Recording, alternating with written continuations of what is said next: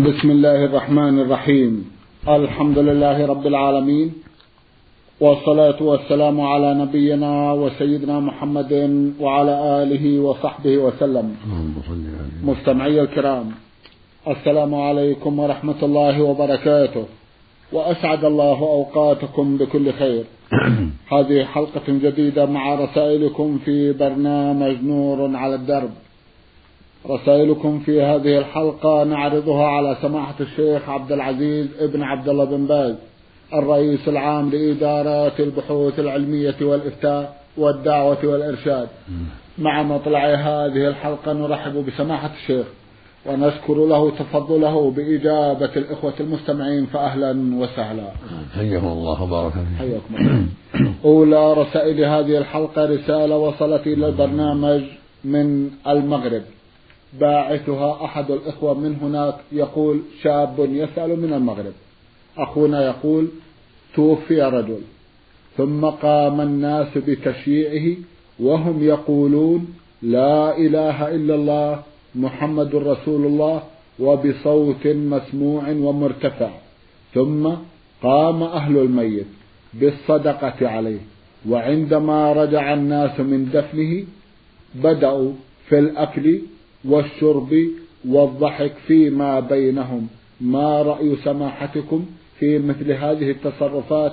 جزاكم الله خيرا. بسم الله الرحمن الرحيم. الحمد لله وصلى الله وسلم على رسول الله وعلى آله وأصحابه ومن اهتدى بهداه. أما بعد في اتباع الجنازة برفع الأصوات بالذكر أو الصلاة على النبي صلى الله عليه وسلم لا أعلم له أصلا في الشرع بل السنة خفض الصوت. في هذه الحالة وأن الإنسان حاسب نفسه ويتذكر مصير هذا الميت ومصيره هو أيضا لأن الموت له شأن عظيم وذكره يحرك القلب إلى الاستعداد للقاء الله والقيام بحقه والحذر من المعاصي سبحانه وتعالى. فالمسنون لأتباع الجنازة أن يتأملوا مصير هذا الميت ومصيرهم وأن يعدوا العدة وأن يخفضوا الأصوات. تقديرا لحول الموقف وشدة الحاجة إلى الإعداد للآخرة والتأهب بالموت قبل نزوله. وأما وأما صنع الطعام من أهل الميت فهذا فيه تفصيل. أما صنع الطعام من أجل المصيبة وجمع الناس هذا ليس من المشروع بل من عمل الجاهلية. أما إذا صنعوه لأجل ضيف نزل بهم أو لأنفسهم فلا بأس. أو جاءهم طعام من غيرهم يعني يسن لجيرانهم وأقاربهم أن يصنعوا لهم طعاما لأن قد أتاهم ما يشغلهم. لما ثبت عن النبي صلى الله عليه وسلم أنه أمر أهله يصنعوا طعاما لأهل جعفر لما قتل في مؤتة لما جاء خبره إلى المدينة رضي الله عنه جعفر بن أبي طالب أمر أهله أن يصنعوا لآل جعفر طعاما. وقال إنه قد أتاهم ما يشغلهم. فإذا صنع أقارب ميت لأهل الميت طعاما أو جيرانه فهذا مشروع. وإذا دعا أهل الميت من يأكل معهم على هذا الطعام أو قدموه لضيفانهم كل هذا لا بأس به. أما رجوعهم بعد الدفن للضحك واللعب هذا ليس بمناسب. بل الأفضل لهم أن أن يتدبروا الأمر ويظهر عليهم أمارات الحزن والاستعداد. ولهذا لما مات إبراهيم ابن النبي صلى الله عليه وسلم قال عليه الصلاة والسلام العين تدمع والقلب يحزن.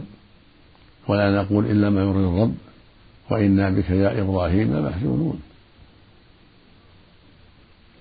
ولما حضر الموت ابن بنته عليه الصلاة والسلام دعته صلى الله عليه وسلم فحضر فلما رأى نفس الصبي تقعقع عند الخروج بكى. فسأله بعض الحاضرين عن ذلك فقال إنها رحمة وإنما يرحم الله من عباده الرحمة. فالأفضل لأهل الميت ألا يشتغلوا بالضحك واللعب بل يقدر الموقف ويظهر عليهم آثار الحزن مع الرضا عن الله والاسترجاع إنا لله وإنا إليه راجعون والصبر والاحتساب. أما مقابلة ذلك بالضحك واللعب فليس من المشروع وليس من المناسب. بل المناسب إظهار الحزن وإظهار الدعاء للميت واستغفار له وعدم إظهار اللعب والضحك ونحو ذلك مما يدل على عدم المبالاة. وفي التأسي بالنبي صلى الله عليه وسلم الخير والبركة. فما كان صلى الله عليه وسلم عند الموت يظهر الضحك بل كان يظهر الحزن والبكاء ويقول إنها رحمة. وفق الله الجميع. اللهم آمين. جزاكم الله خيرا وأحسن إليكم. يقول عندما يمر على الميت أربعين يوما يقوم أهله بالصدقة عنه. فهل هذا مشروع؟ ليس لهذا أصل. الصدقة الميت بعد أربعين يوم أو بعد شهر أو أقل أو أكثر ليس له أصل. ولكن يتصدق عن الميت متى شاء. ما له حد محدود. الصدقة عن الميت تنفع الميت. يتصدق عنه أهله أو غير أهله نفعه ذلك. أما أن يحدد ذلك بأربعين يوما أو بشهر أو بعشرة أيام هذا لا أصل له. ليس له حد محدود. وثبت في الصحيح عن النبي صلى الله عليه وسلم أن رجلا قال رسول الله إن أمي ماتت ولم توصي أفلها أجر إن صدقت عنها؟ قال النبي نعم. وفي الحديث الصحيح أيضا يقول صلى الله عليه وسلم إذا مات ابن آدم انقطع عمله إلا من ثلاث. صدقة جارية أو علم ينتفع به أو ولد صالح يدعو له فالصدقة على الميت والدعاء له الاستغفار كل ذلك ينفعه. كما تنفعه الصلاة عليه والحج عنه والعمرة عنه قضاء دينه كل هذا ينفعه. نعم. جزاكم الله خيرا وأحسن إليكم رسالة بعث بها أحد الإخوة المستمعين كتب اسمه بالأحرف اللاتينية. يسأل جمعا من الأسئلة سماحة الشيخ من بينها سؤال يقول هل لي أن أصلي صلاة التراويح وأنا منفرد؟ جزاكم الله خيرا. صلاة التراويح في الجماعة أفضل. النبي صلى الله عليه وسلم صلىها بأصحابه جماعة عدة ليالي ثم ترك ذلك وقال إني أخاف أن تفرض عليكم صلاة الليل. فلما توفي صلى الله عليه وسلم وانقطع الوحي جمعهم عمر جمع الناس عمر على إمام واحد يصلي بهم في مسجد النبي صلى الله عليه وسلم في شهر رمضان. وقد قال عليه الصلاة والسلام من قام مع, الإمام حتى ينصرف كتب له قيام ليلة. فالأفضل أن تصلي مع الجماعة من أجل هذا الفضل العظيم. وإن صليت في بيتك فلا بأس لأنها نافلة لكن من صلاها مع الجماعة حصل له فضل الجماعة وحصل له فضل قيام الليل كله إذا قام مع الإمام حتى ينصرف. نعم. جزاكم الله خيرا وأحسن إليكم. بعد هذا رسالة وصلت إلى البرنامج من أحد الإخوة المستمعين. له قضية يقول فيها وقع علينا حادث مروري في شهر رمضان أنا وأحد زملائي. ونتج عن ذلك وفاة زميلي الذي كان يرافقني. وأنا أغمي علي ولم أعلم عن وفاة زميلي رحمة الله عليه إلا بعد مرور أسبوعين. وبعدما طلعت من المستشفى ذهبت إلى أهله وطلبت السماح منهم وكذلك طلبت السماح من خاله الأكبر حيث كان موجودا. ثم سامحوني جزاهم الله خيرا ولم يطلبوا مني شيء. وكان ذلك في يوم عشرين من رمضان.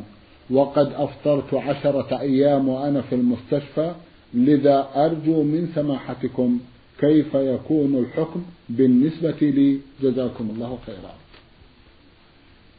إذا كان موته بسببك فعليك الكفارة. بسرعة أو نعاس أو غير هذا من الأسباب التي حصل بسببها الحادث فعليك الكفارة. وهي عتق رغبة مؤمنة. فإن لم تستطع فعليك أن تصوم شهرين متتابعين شهرين متتابعين ستين يوما.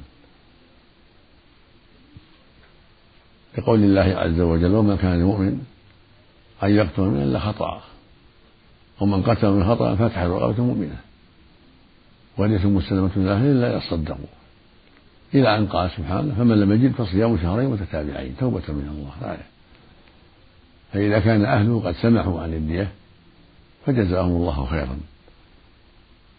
أما الكفارة فعليك أن تؤدي الكفارة وهي عتق رغبة مؤمنة فمن لم يستطع صام شهرين متتابعين ستين يوما. نسأل الله لك العون والتوفيق. اللهم آمين. جزاكم الله خيرا. يسأل سماحتكم فيقول هل يجوز لي أن أعتمر وأن أتصدق عن ذلكم المتوفى. أرجو توضيح المسألة وإجابتي. جزاكم الله خيرا. نعم مشكور ومأجور إذا اعتمرت عنه أو تصدقت عنه. أنت مشكور ومأجور. لأن هذا من باب الإحسان إلى أخيك. تنفعه العمرة تنفعه الصدقة ينفعه الدعاء. فأحسن إليه جزاك الله خير وأبشر بالخير. وإذا كنت لم تعتمر في زمان في عمرك بدي نفسك ابدأ بنفسك فاعتمر ثم اعتمر عنه. وإذا كنت قد اعتمرت فيما مضى عن نفسك فالحمد لله. تعتمر عن أخيك الميت. وإذا تصدقت عنه بما يسر الله من النقود أو الطعام أو غير ذلك فكله طيب. وهكذا إذا دعوت له بالمغفرة والرحمة. نعم. جزاكم الله خيرا. يسأل عن قضاء الصيام الذي فاته وهو منوم في المستشفى سماحة الشيخ. عليك أن تقضيه. كقول الله عز وجل ومن كان مريضا أو على سفر فعدة من أيام أخرى. فعليك أن تقضيه. وإذا كنت لم تقضه حتى جاء رمضان الحالي عام 1413 فعليك إطعام مسكين عن كل يوم مع القضاء مع الصيام جميعا إذا كنت أخرته من غير عذر شرعي. فعليك أن تصوم الأيام التي أفطرتها بسبب المرض وعليك أن تطعم مسكينا عن كل يوم لأنك أخرتها عن رمضان الذي بعد رمضان الذي أفطرت فيه. تطعم مسكين نصف صاع عن كل يوم كيلو ونصف تقريبا. عن جميع الأيام كل يوم تدفع عنه كيلو ونصف يعني نصف صاع لبعض الفقراء. ولو جمعتها وأعطيتها فقيرا واحدا أجزأ ذلك والحمد لله. جزاكم الله خيرا وأحسن إليكم. بعد هذا رسالة وصلت إلى البرنامج من ليبيا وباعثها المستمع محمد صالح المهدي.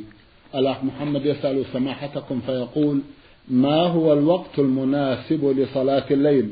وما هو وقت الدعاء المناسب؟ وماذا يقال وماذا يقول الإنسان فيه؟ جزاكم الله خيرا. أفضل الأوقات الثلث الأخير. إذا تيسر ذلك. لقول النبي صلى الله عليه وسلم من خاف أن لا يقوم من آخر الليل فليوتر أول الليل. ومن طمع أن يقوم آخر الليل فليوتر آخر الليل. فإن صلاة آخر الليل مشهودة وذلك أفضل. رواه مسلم في صحيحه. ولقوله صلى الله عليه وسلم ينزل ربنا إلى سماء الدنيا كل ليلة حين يبقى ثلث الليل الآخر. فيقول سبحانه من يدعوني فأستجيب له من يسألني فأعطيه من يستغفرني فأغفر له حتى ينفجر الفجر. متفق على صحته. هذا الحديث العظيم يدل على أن التعبد في آخر الليل في الثلث الأخير أفضل. لهذا الحديث العظيم. وينبغي فيه الإكثار من الدعاء. والسؤال والتوبة إلى الله عز وجل في هذا الوقت العظيم. وإن صلى في وسط الليل فهو وقت أيضا عظيم فاضل جوف الليل. وإن صلى في أول الليل كذلك بعد صلاة العشاء كله خير.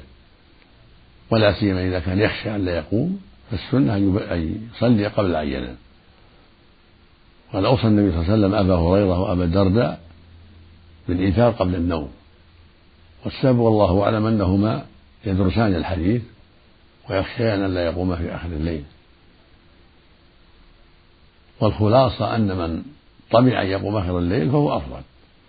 ومن خاف أن لا يقوم من آخر الليل فيوث أول الليل والحمد لله. وأما قول ينزل ربنا هذا وصف يليق بالله. عند أهل السنة والجماعة يثبتون كما يليق بالله. نزول يليق بالله. لا يشابه خلقه في نزولهم. كما أنه لا لا يشابه خلقه في صفاته كلها.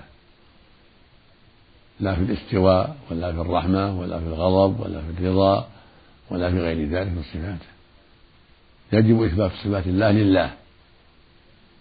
على الوجه اللائق بالله سبحانه وتعالى من غير تحريف ولا تعطيل ولا تكييف ولا تمثيل هكذا قال أهل السنة والجماعة. كما نص على ذلك أهل العلم. كمالك بن أنس رحمه الله والشافعي وأحمد والثوري وابن المبارك والأوزاعي وغيرهم. وجمع أبو العباس بن تيمية رحمه الله أقوالهم في كتابه الحموية. وهو كتاب عظيم مفيد. فأهل السنة والجماعة يثبتون جميع الصفات لله الواردة في القرآن وفي السنة الصحيحة على الوجه اللائق بالله. كالاستواء والنزول والغضب والرضا والرحمة والسمع والبصر والكلام وغير ذلك. كلها يثبتونها لله سبحانه. على الوجه اللائق بالله جل وعلا من غير تحريف ولا تعطيل ولا تكييف ولا تمثيل كما قال الله سبحانه قل هو الله أحد الله الصمد. لم يلد ولم يولد ولم يكن له كفوا أحد. وقال سبحانه ليس كمثله شيء وهو السميع البصير. قال سبحانه فلا تضربوا لله الأمثال إن الله يعلم وأنتم لا تعلمون. هذا هو الواجب على جميع المسلمين. إثبات صفات الله وأسمائه له سبحانه كما جاءت في القرآن وكما جاءت في السنة الصحيحة. من غير تحريف ولا تعطيل ولا تكييف ولا تمثيل بل يجب إثباتها لله على الوجه اللائق بالله سبحانه وتعالى مع الإيمان بحقائقها وأنها حق وأنها لا تشابه صفات المخلوقين بل هي ثابتة, ثابتة لله على الوجه اللائق بالله سبحانه وتعالى من غير مشابهة لخلقه في شيء من صفاته جل وعلا. هذا قول أهل الحق هذا قول أهل السنة والجماعة. وهم الطائفة المنصورة وهم الفرقة الناجية. أهل السنة والجماعة هم الطائفة المنصورة. وهم الفرقة الناجية وهم أهل الحق. فالواجب السير على منهجهم. والاستقامة على طريقهم. وهو طاعة الله ورسوله. والإخلاص لله في العمل. واتباع الشريعة. وعدم البدعة. هكذا درج أهل السنة من أصحاب النبي صلى الله عليه وسلم وأتباعهم بإحسان. في توحيد الله والإخلاص له والإيمان بكل ما أخبر الله به ورسوله والاستقامة على دين الله وإثبات صفات الله وأسمائه على الوجه اللائق بالله سبحانه وتعالى. هكذا درج أهل السنة والجماعة. وهم أصحاب النبي صلى الله عليه وسلم وأتباعهم بإحسان. وهم الفرقة الناجية المذكورة في قوله صلى الله عليه وسلم افترقت أمتي على ثلاث وسبعين فرقة. على ثلاث وسبعين كلها في النار إلا واحدة. الواحدة هم أهل السنة والجماعة. وهم الطائفة المنصورة التي قال فيها النبي لا تزال طائفة من أمتي حق منصورة لا يضرهم من خذلهم ولا من خالفهم حتى يأتي أمر الله. والعلماء هم رأس هذه الطائفة العلماء وأهل الحديث هم رأس هذه الطائفة هم أئمة هذه الطائفة. وعلى رأسهم أصحاب النبي صلى الله عليه وسلم. هم خير هذه الأمة. ثم العلماء من أهل السنة والجماعة بعدهم. وأهل الحديث هم من أئمة هذه الطائفة وهم من رؤسائهم وقادتهم. ولهذا قال بعض السلف إن لم يكونوا أهل الحديث فلا أدري من هم. المعنى أن أهل الحديث هم خلاصتهم وهم أئمتهم. وهكذا العلماء علماء الحق. كلهم من أهل السنة والجماعة وكلهم من الطائفة المنصورة وهكذا عامتهم يدخلون في الطائفة المنصورة عامة من الرجال والنساء الذين درجوا على هذا المنهج وساروا على طريق أهل السنة والجماعة في الاستقامة على الحق والإيمان بأسماء الله وصفاته على الوجه اللائق بالله؟ وتمسكوا بشرعه؟ هؤلاء كلهم أهل السنة والجماعة. وكلهم يدعون الفرقة الناجية. وكلهم يقال لهم الطائفة المنصورة إلى قيام الساعة. نسأل الله جعلنا وإياكم أيها المستمعون من أهل السنة نسأل الله جعلنا وإياكم منهم. نسأل الله جعلنا وجميع إخواننا المستمعين من أهل السنة والجماعة. نسأل الله يثبتنا على الحق وأن يعيدنا من مضلات الفتن. نعم. جزاكم الله خيرا وأحسن إليكم. يسأل سماحتكم عن الدعاء الذي يقوله ذلك المصلي في الليل. يستحب للمصلي يكثر من الدعاء. من الدعوات الطيبة. ومن أحسن الدعاء اللهم إنك عفو تحب العفو فاعف عني. قالت عائشة رضي الله يا رسول الله إن وافقت ليلة القدر ما أقول فيها؟ قال قولي اللهم إنك عفو تحب العفو فاعف عني. ومن الدعاء الطيب أن يسأل الله رضاه والجنة وأن يتعوذ بالله من غضبه والنار. ومن الدعاء الطيب أن يقول اللهم إني أسألك الجنة وما قرب لها من قول وعمل وأعوذ من النار وما قرب لها من قول وعمل ويسأل ربه كل خير. الباب مفتوح الحمد لله. قال الرب يقول من يدعوني فأستجيب له. ويقول سبحانه في كتابه العظيم ادعوني أستجيب لكم. فيتحرى المؤمن الدعوات الطيبة الجامعة ويدعو بها ربه في ليله وفي نهاره وفي آخر الصلاة وفي السجود وعند الإفطار وعند السحور يدعو ربه يسأل ربه من خير الدنيا والآخرة ويتحرى الدعوات الواردة في دعاء النبي صلى الله عليه وسلم. يتحراها وهي موجودة في كتب السنة كتب الأذكار والدعوات. قد جمعنا بها وقد جمعنا في هذا كتابا موجزا مختصرا ذكرنا فيه جملة من الأذكار والدعوات الطيبة. التي كان يدعو بها النبي عليه الصلاة والسلام. وسميناه تحفة الأخيار فيما يتعلق بالأدعية والأذكار. وهو يوزع من دار الإفتاء. نسأل الله أن ينفع به المسلمين. نعم. اللهم آمين. جزاكم الله خيرا وأحسن إليكم. يقول هناك بعض الأحاديث والأقاويل يشك الإنسان في صدقها. فما هو قولكم لنا في ذلك؟ وجهونا جزاكم الله خيرا. الإنسان يتحرى ما جاءت في السنة من الدعوات الطيبة والأذكار الشرعية ويراجع كتب أهل العلم المعتمدة ويسأل أهل العلم عما أشكل عليه في ذلك. لا يكون إمعة يقبل ما هب ودب لا. يسأل أهل العلم إذا كان ما عنده علم يسأل أهل العلم. في بلاده المعروفين بالعقيدة الطيبة المعروفين بالعلم والفضل يسألهم أو يكتب إليهم إذا كانوا بعيدين يكتب يسأل. وإذا كان من أهل العلم يتدبر القرآن والسنة الصحيحة ويجد فيهما بحمد الله الخير الكثير من الدعوات الطيبة والأذكار الشرعية. نعم. جزاكم الله خيرا وأحسن إليكم. يقول بعض الأحيان يكون الإنسان متمسكا بدينه قائما بواجباته على أكمل وجه فيأتي عليه وقت ينقلب على كل شيء بدون سبب فما هو توجيهكم؟ جزاكم الله خيرا. وما هو السبب؟ نرجو أن يوفقنا الله وإياكم.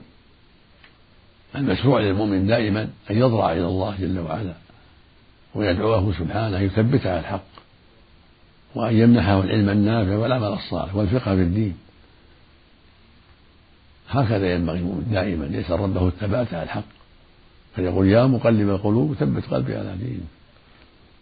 اللهم إني أسأل الثبات على الحق. اللهم وفقني للاستقامة على الحق. اللهم أصلح قلبي وعملي. اللهم أحسن خاتمتي. يكثر من ذكر الله. في ليله ونهاره.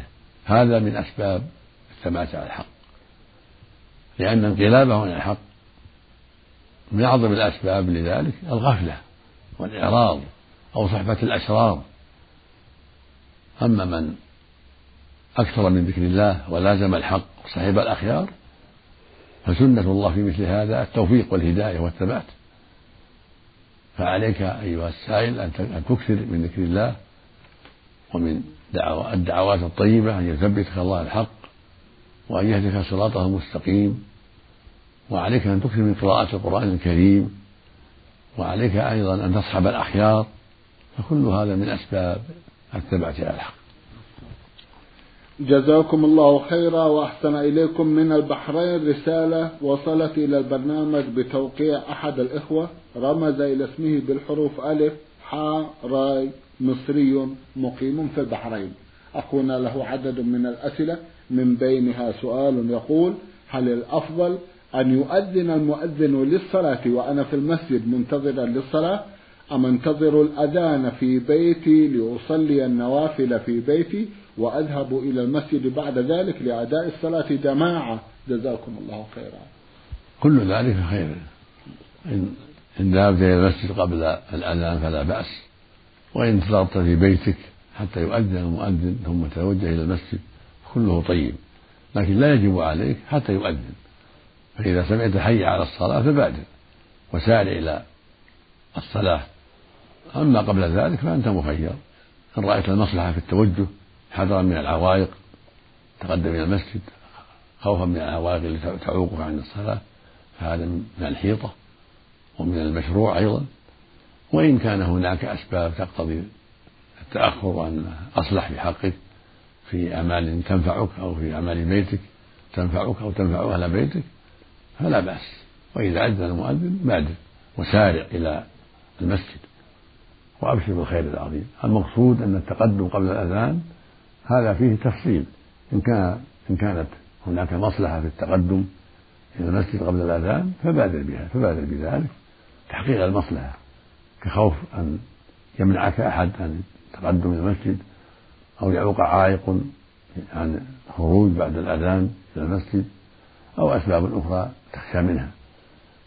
أما إذا كان ما هناك أسباب فأنت المشروع لك أن تبادر إذا سمعت الأذان تبادر إلى الصلاة. وفي بيتك تعمل ما ينفعك وينفع أهلك. نعم.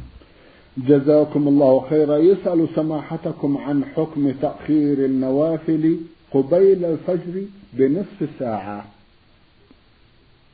لا مانع. لكن كونك تتقدم حتى يتسع الوقت حتى تصلي ما يسر الله لك في هدوء وتصلي 11 ركعة كما كان النبي يفعل عليه الصلاة والسلام تصلي من كل اثنتين تجتهد في القراءة وفي قائطات الركوع والسجود. هذا أفضل لأن الوقت ضيق قد لا قد لا تتمكن معه من المطلوب من الصلاة المطلوبة والدعوات المطلوبة. لكن لو أخرت إلى آخر الليل وصليت ما يسر الله لك فلا حرج. والحمد لله. نعم. جزاكم الله خيرا وأحسن إليكم سماحة الشيخ في ختام هذا اللقاء. أتوجه لكم بالشكر الجزيل بعد شكر الله سبحانه وتعالى على تفضلكم بإجابة الإخوة المستمعين. وآمل أن يتجدد اللقاء وأنتم على خير. نرجو ذلك. نعم. مستمعي الكرام كان لقاؤنا في هذه الحلقة مع سماحة الشيخ عبد العزيز ابن عبد الله بن باز الرئيس العام لإدارات البحوث العلمية والإفتاء والدعوة والإرشاد. شكرا لسماحة الشيخ. وأنتم يا مستمعي الكرام شكرا لحسن متابعتكم. وإلى الملتقى. وسلام الله عليكم ورحمته وبركاته.